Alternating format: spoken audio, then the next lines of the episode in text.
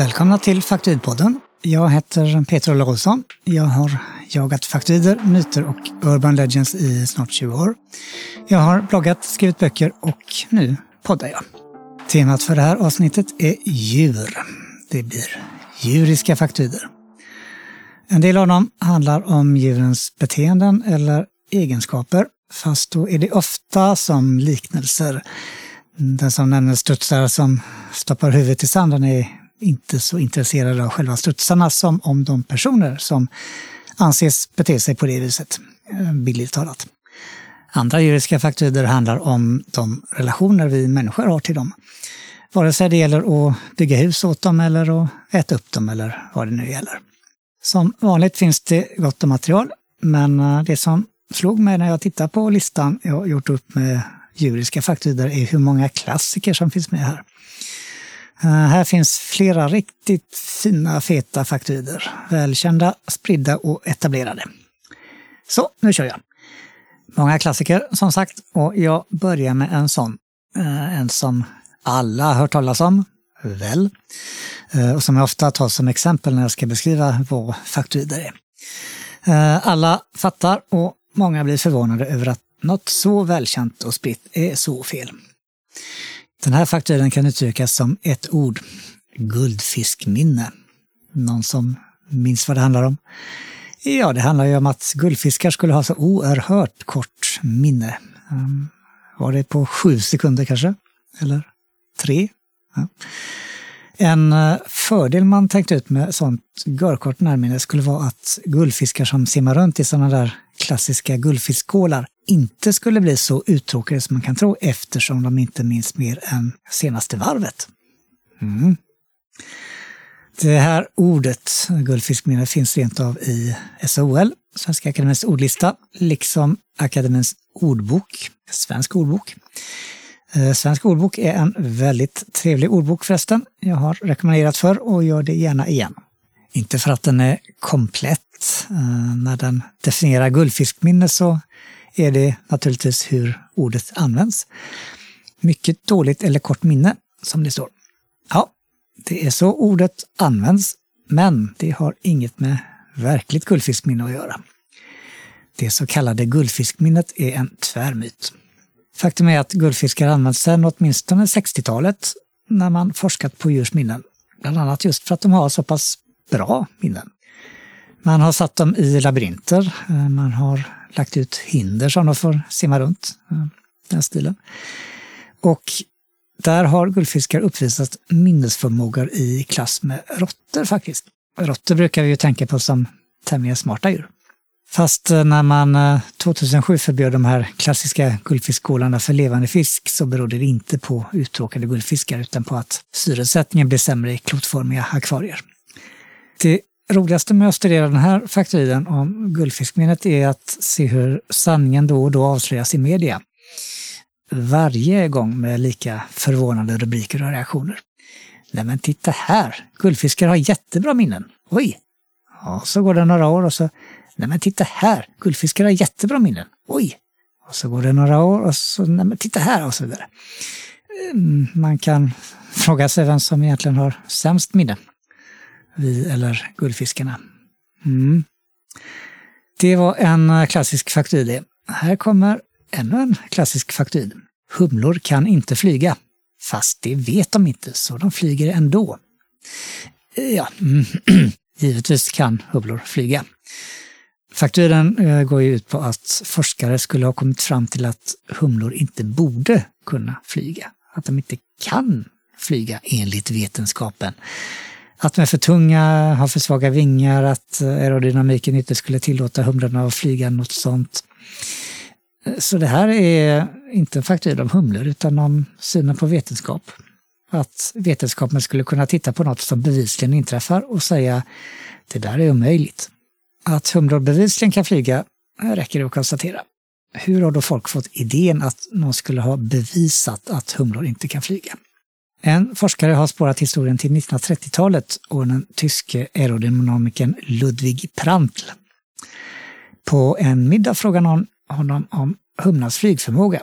Prantl tog en servett och räknade ut humlans så kallade Reynolds-tal. Reinholdstalet kan eh, förenklat indikera vilken lyftkraft ett föremål har i strömmande gas, eller vätska för den delen. Prantl kom fram till att humlan har ett lägre Reinholdstal än såväl fåglar som flygplan. Eh, vilket innebär att den har lägre lyftkraft än fåglar och flygplan. Vad betyder det? Det betyder att humlor inte kan glidflyga, vilket stämmer. Vilken roll spelar då Reinholdstalet för humlans flygförmåga? Ingen alls. Humlor använder en flygmetod där Reinholdstalet inte spelar in, så det är irrelevant i sammanhanget. Men det konstaterandet kunde, tydligen av illvilja eller dumhet, förvrängas till att vetenskapen bevisat att humlor inte kan flyga. En annan faktoidforskare hittade den tyske biologen Reinhard de Moll. Han jämförde 1918 olika flygmetoder bland djur då, och kom bland annat fram till att om flugor skulle flyga på samma sätt som flygplan och glidflygande fåglar så skulle de behöva 42 gånger större vingar än vad de faktiskt har. Än en gång har vi en forskare som inte visat något annat än att han inte visste hur flugor, i det här fallet flög, vilket han naturligtvis insåg. Alltså självklart insåg han det.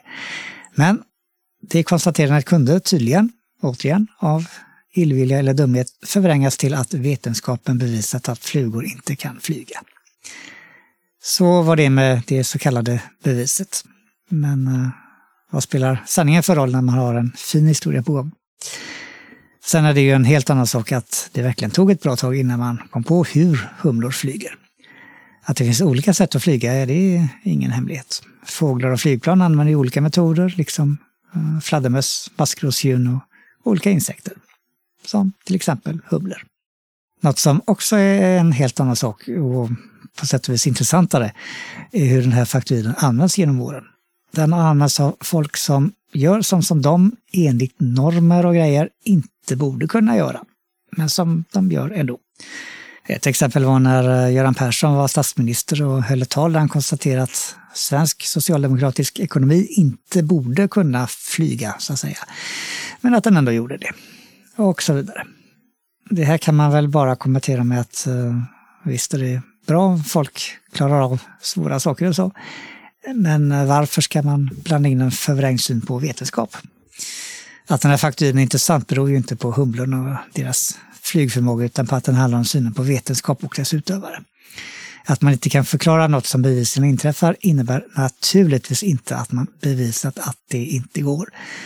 Eh, icke desto mindre finns det massor av människor som går omkring och har denna fundamentalt felaktiga bild av vetenskap och forskare. Eh, som om man måste vara lite dum i huvudet, fast på ett smart sätt såklart, för att kunna kalla sig forskare. Sådana besynliga världsbilder tycker jag är väldigt intressant. Vi tar en eh, klassisk faktor till. Det finns ju att välja på som sagt. Vad kännetecknar kameleonter mer än någonting annat? Ja, det är ju naturligtvis deras förmåga att byta färg i sin helhet eller fläckvis. Hur använder de då denna förmåga? Den använder de till flera olika saker. De kan kommunicera med andra kameleonter genom att med olika färger visa om de är arga eller på defensiven eller vad det nu är. De kan eh, byta färg efter omgivningens temperatur. Det kan vara nog så värdefullt när man är växelvarm. En mörkare kameleont behåller värmen bättre. En ljusare kameleont håller sig svalare. Ja, och så finns det en poäng till några kameleontarter kan använda den här superkraften som kamouflage och ändra färg för att smälta in i omgivningen. Men av över 200 arter i kameleontfamiljen så gäller det här ett fåtal. Faktum är att det finns fler kameleontarter som inte kan byta färg alls än som byter färg för att kamouflera sig. Så även om kopplingen mellan kameleonter och kamouflage inte är helt påhittad så har den överdrivits kraftigt i filmer, tecknade serier och allt vad det är. Eh, om man till exempel sätter en kameleont på ett schackbräde så blir ödlan inte rutig. Det finns många djur som kan ändra färg ungefär lika bra som kameleonterna och som använder förmågan på ungefär samma sätt. Men så finns det också de som är mycket, mycket bättre och verkligen kan anpassa sitt utseende efter omgivningen på det sätt som många förknippar med kameleonter. Och faktiskt lite till. Det är vissa arter av bläckfiskar sätter man en sån i en miljö med vissa färger och mönster så kan man anpassa sig snabbt och absolut häpnadsväckande bra. Om du aldrig sett det här, leta reda på en filmsnutt, det är görfräckt. Man kan rent av anpassa sig kontinuerligt när de simmar över havsbotten. Eller anpassa eh, strukturen på sin hud och göra den slät eller skrovlig allt efter omgivningen. Där snackar vi verkligen om en superkraft. Jag nämnde något om eh, relationen mellan människor och djur, när det kan gå snett på olika sätt i olika sammanhang. Här är ett sådant sammanhang. Vi vill göra en fågelholk.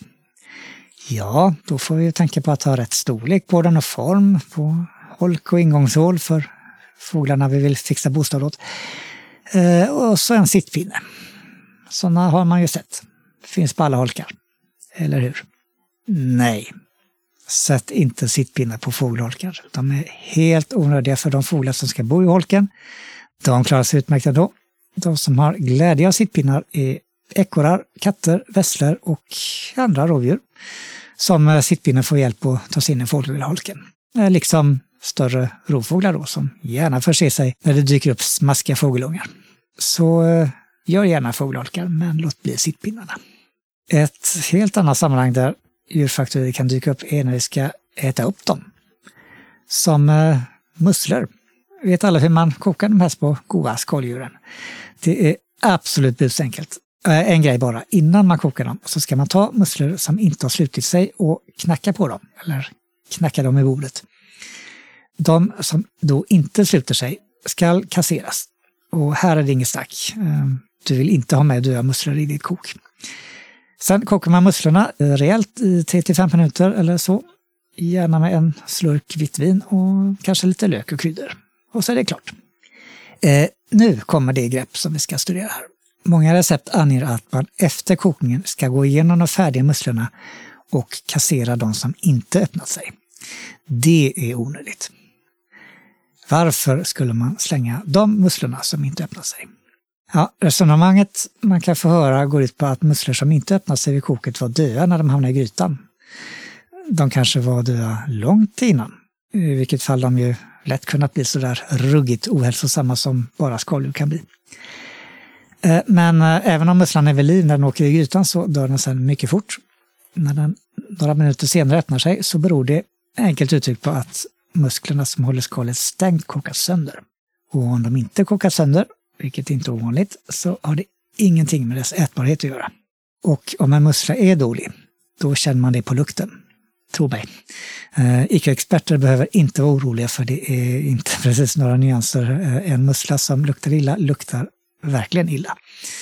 Det är en mycket enklare och säkrare metod för att hitta dåliga musslor än den där irrelevanta som lärs ut i recepten. När dök egentligen det här eh, hysset upp i recepten? Ja, den australiensiske marinbiologen och musselexperten Nick Ruello gick igenom recept på musslor från de senaste decennierna.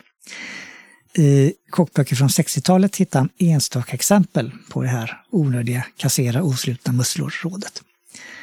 I kokböcker från 70-talet fanns de med i en sjättedel av recepten, i kokböcker från 80-talet en tredjedel och i kokböcker från 90-talet praktiskt taget alla. Under denna tid spred sig alltså musselfaktoriden som en farsot och infekterade kök och kokböcker. Det behöver visserligen inte ha berott på att man var orolig för att få med dåliga musslor. Det kanske inte hade med resonemanget jag nyss nämnde att göra. Det kan ha varit så enkelt som att man inte vill sitta och slabba med kniv när man ska äta musslor. Och på restauranger vill man ju definitivt inte tvinga gästerna till sånt.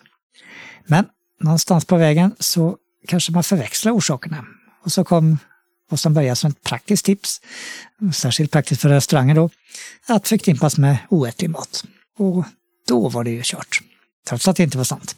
Så det där med att eh, kassera musslor efter koket, det är inget man behöver bry sig om. I alla fall inte om man inte har något emot att plocka fram kniven någon gång när man sitter med sina musslor. Nu när vi är inne på kokta djur så dyker en riktig fakturklassiker upp. Vi har en groda och en kastrull med vatten. Eh, jag tror de flesta fattar vart vi är på väg. Om vi lägger grodan i varmt vatten så hoppar den iväg direkt. Men om vi lägger grodan i kallt vatten och sen sakta värmer upp alltihop, vad händer då? Jo, då sägs det att grodan inte märker att det blir varmare. Utan, sägs det, fortsätter vi att värma vattnet kommer den att kokas ihjäl utan att ens försöka att fly. Eh, det är alltså en, en myt. Så där beter sig grodor i sagan, så där beter sig grodor inte i verkligheten. Myten om den kokta grodan används visserligen aldrig för att diskutera grodors värmereceptorer eller liknande. Eh, myten om den kokta grodan används alltid som liknelse. Och det som man liknar den vid är ju folk. Det är ju vi människor som sägs vara lika bra på att uppfatta snabba omställningar som grodan, men lika dåliga på att uppfatta långsamma omställningar som grodan. Eller den tänkta grodan då. Om vi därför hamnar i en situation där man till exempel, ja, ska vi ta, lagstiftningen på något område ändras, eh, inte drastiskt utan gradvis i små steg. Ja, är stegen tillräckligt små så märker vi dem inte. Så sitter vi lika aningslöst som grodan i kastrullen och kokas visserligen inte ihjäl, men hamnar utan att klaga i ett läge som vi aldrig skulle accepterat om det dragits fram som ett färdigt faktum. Ja, nu blev det en eh, hel liten historia här. Myten om den kokta grodan är lite mer avancerad än de flesta faktoiderna, eh, åtminstone i det här avsnittet. Men en myt och faktoid är det. Visserligen är det ju ett faktum att långsamma förändringar är svåra att uppfatta än snabba, men lika sant är det att om en groda befinner sig i vatten som är för varmt för den, så hoppar den iväg, oavsett hur snabbt eller långsamt vattnet värmts upp. Det här har forskning visat. Inte så att man testat myten, men eh, väl när man undersökt hjärtaktiviteten på grodor i olika temperaturer. Hur väl fakturan fungerar som liknelse för folk Eh, är en helt annan sak. Den frågan överlämnas som uppgift åt lyssnarna. Nästa faktoid. Nu ska jag ta upp älgryttare. Alltså ett eh, kavalleri, uppsuttna soldater, men istället för att sitta på hästar så sitter de på älgar. Då och då dyker det här påståendet upp att man i Sverige skulle ha använt sådana älgkavallerier, eller i alla fall försökt med det. Eller i alla fall planerat att införa det eller försöka med det. Man kan konstatera att vad som verkligen gjorts i älgryttarfrågan är att folk flera gånger har föreslagit det. Alltså som en ren skrivbordskonstruktion. Om man hos krigsmakten någonsin lagt så mycket som två strån i kors för att se om älgrytteri kan man låta ha, så känner jag inte till det. Och den svenska krigsmakten har definitivt aldrig haft ett älgrytteri. Men skulle fakta kunna hindra en god historia? Den första relaterade fakturan förekommer i Olaus Magnus mycket speciella verk Historia om de nordiska folken från 1555. Eh, det där är ett storverk där sanning och saga samsas på ett eh, riktigt otvunget sätt. Det är en fantastisk bok faktiskt som verkligen rekommenderas. Eh, I alla fall de lättlästa styckena. Bland 10 000 andra ting nämner Olaus en lag mot älgridning. Den skulle ha stiftats för att förhindra att brottslingar kom över de här användbara djuren och använde dem för flykt. Eh, en sån lag finns inte, åtminstone i Sverige, och den har aldrig funnits här. Eh, icke desto mindre har folk som läst om lagen och haft lättare för fria funderingar än, än efterforskningar tillskrivit Gustav Vasa den här icke-existerande lagen eftersom det var på hans tid som den blev omskriven. Även sonen Karl IX har tillskrivits älgförbudet, eh, liksom givetvis Karl XII, eh, den kung som förknippas med fler faktorider än eh, kanske alla andra ihop. Men annars är Karl XI den kung som oftast förknippas med det här påstådda älgrytteriet. Han brukar inte dyka upp i fakturer så här jätteofta, så man kan förstå att här finns det en särskild anledning. Den anledningen ligger i Kungsör, en kungsgård där Karl XI ofta vistades. Där finns en hage som heter Älghagen. Ett sådant namn inbjuder naturligtvis till spinnande av sägner. Alla som hört en turistguide vet att ingen sån värd sitt namn skulle försitta chansen att, när man kommer till Älghagen, dra någon historia om Karl XIs älgar. Hur man där tränat halvtama älgar till att bära ryttare. Och vad man nu kommer på. Finns det historiska belägg för att sådan älgdrift förekommit i Kungsör, på Kungsgården och i Älghagen? Nej. Och inte någon annanstans för den delen. Något som bidragit till myten är de många som försökt sig på att föda upp älgar som om de vore stora hästar och ibland lyckats. Synen av någon som rider på en älg måste ha varit oförglömlig och eh, inspirerat många till idéer om älgkavallerier. Antingen som något som borde finnas eller något som borde ha funnits. Men verkligheten är, som så ofta, något helt annat. Djur har olika personligheter kan man säga, som arter och som individer. Även om det finns enskilda älgar som fungerar bättre eller sämre med folk, så kan man för älgen som art konstatera att de inte funkar särskilt bra med folk. Om vi tar hästar så är de flockdjur. De är vana vid att leva i en hierarki och människor som hanterar dem ses som en sorts ledardjur. Det är därför vi kunnat tämja hästar, inte bara enstaka individer utan arten. Men så fungerar inte älgar, alltså älgar som art, älgar i allmänhet. De är inte flockdjur och ser inte människor som ledardjur. Enstaka älgar kan kanske hanteras och rent av ridas på, men inte älgar i allmänhet. Och inte älgar i det antal som även ett begränsat älgkavalleri skulle kräva. Visserligen har folk försökt sig på lite av varje. Inte minst när det gällt militära projekt, sannerligen, sannoliken. Men älgrytteri hör inte till dem, trots allt som sägs. Jag antydde något om en riktigt klassisk faktoid förut och här kommer den. Strutsen stoppar huvudet i sanden. Det där har ju blivit ett talesätt som folk kanske använder sig av utan att reflektera över vilken koppling den kan ha till verkligheten. Fast här vet jag inte, uh, verkligen inte ärligt talat. Uh, folk som liknar folk vid strutsar som stoppar huvudet i sanden. Funderar de någonsin på om strutsar verkligen stoppar huvudet i sanden? Gör du det? En sak vet jag och det är att strutsar inte stoppar huvudet i sanden. Jag antar att resonemanget bakom är att strutsen är så dum att den tror att om den inte ser lejonet, eller vad det nu är, så ser lejonet inte den. Om sånt beteende någonsin förekommer i djurriket, ja då ser den vise Darwins mekanismer till att eliminera det snabbt och effektivt. Eh, det finns en förklaring som utgår ifrån ett faktiskt strutsbeteende. Att om fara hotar kan de sig ner och sträcka ut halsen ut med marken. Eh, det här skulle på något sätt ha övergått till strutsen stoppar huvudet i sanden-bilden.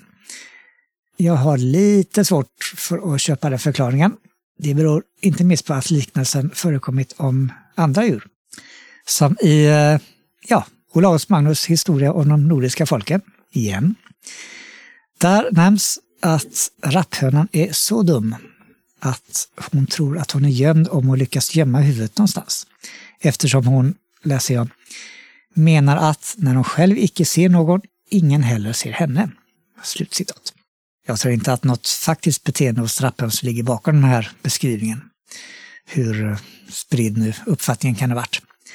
Fast jag tycker nog att den här mystiska, mytiska beteendet passar rapphönan bättre än strutsen.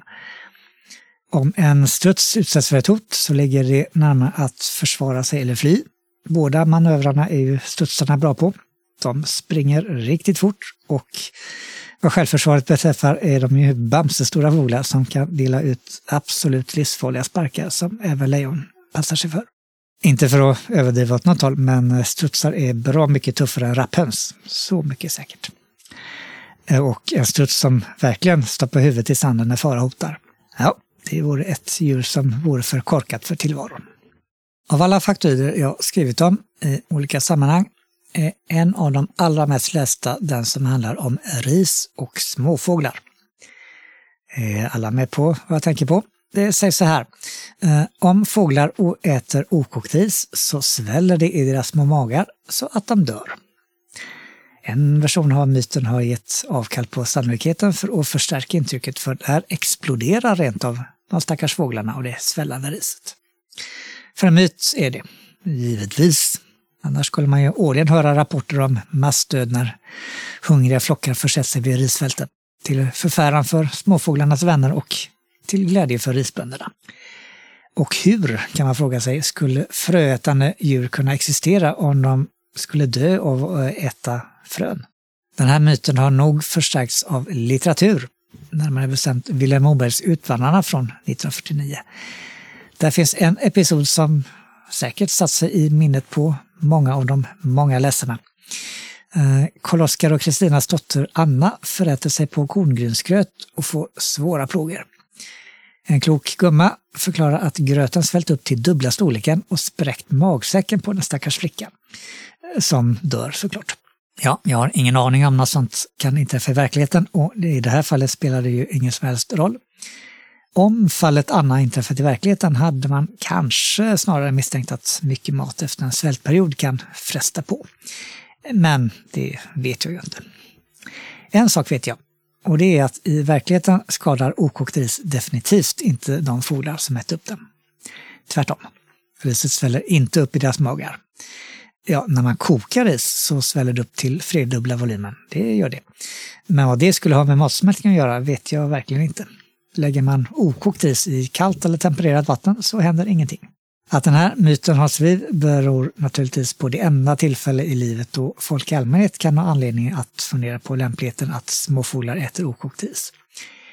Det är ju vid bröllop, en ritual som är förknippad med nog så många myter och påhitt. Och här har vi en till. Att det skulle vara farligt för fåglar att kasta ris utomhus. Det har växt upp en hel liten marknad med alternativ till riskastning där man kastar eh, konfetti eller blomblad eller processorbubblor eller vad man nu hittar på. Inget fel i det, absolut inte, men det har ingenting med riskastandets risker för fåglar att göra, för de finns inte. Här och var har riskastande rent av förbjudits. Det kan ju bero på folk som gått på myten, men behöver inte göra det. Andra anledningar till att förbjuda riskastning vid bröllop ehm, varför inte säga riktiga anledningar till att förbjuda riskastning vid bröllop, är att riset kan komma i ögonen på folk eller fastna i hår eller kläder. Eller en avancerad frisyr med mycket hårgelé som får en näve risgryn över sig och som lär kunna ge ett, ehm, ska jag säga, intressant resultat. Kyrkvaktmästare och liknande slipper gärna riskastning eftersom det kan vara besvärligt att städa upp efteråt. För städa upp riset, det vill man, eftersom man inte vill mata smådjur ja, inte småfåglarna då, utan mest råttor. Som förresten också mår kalasfint av okokt ris.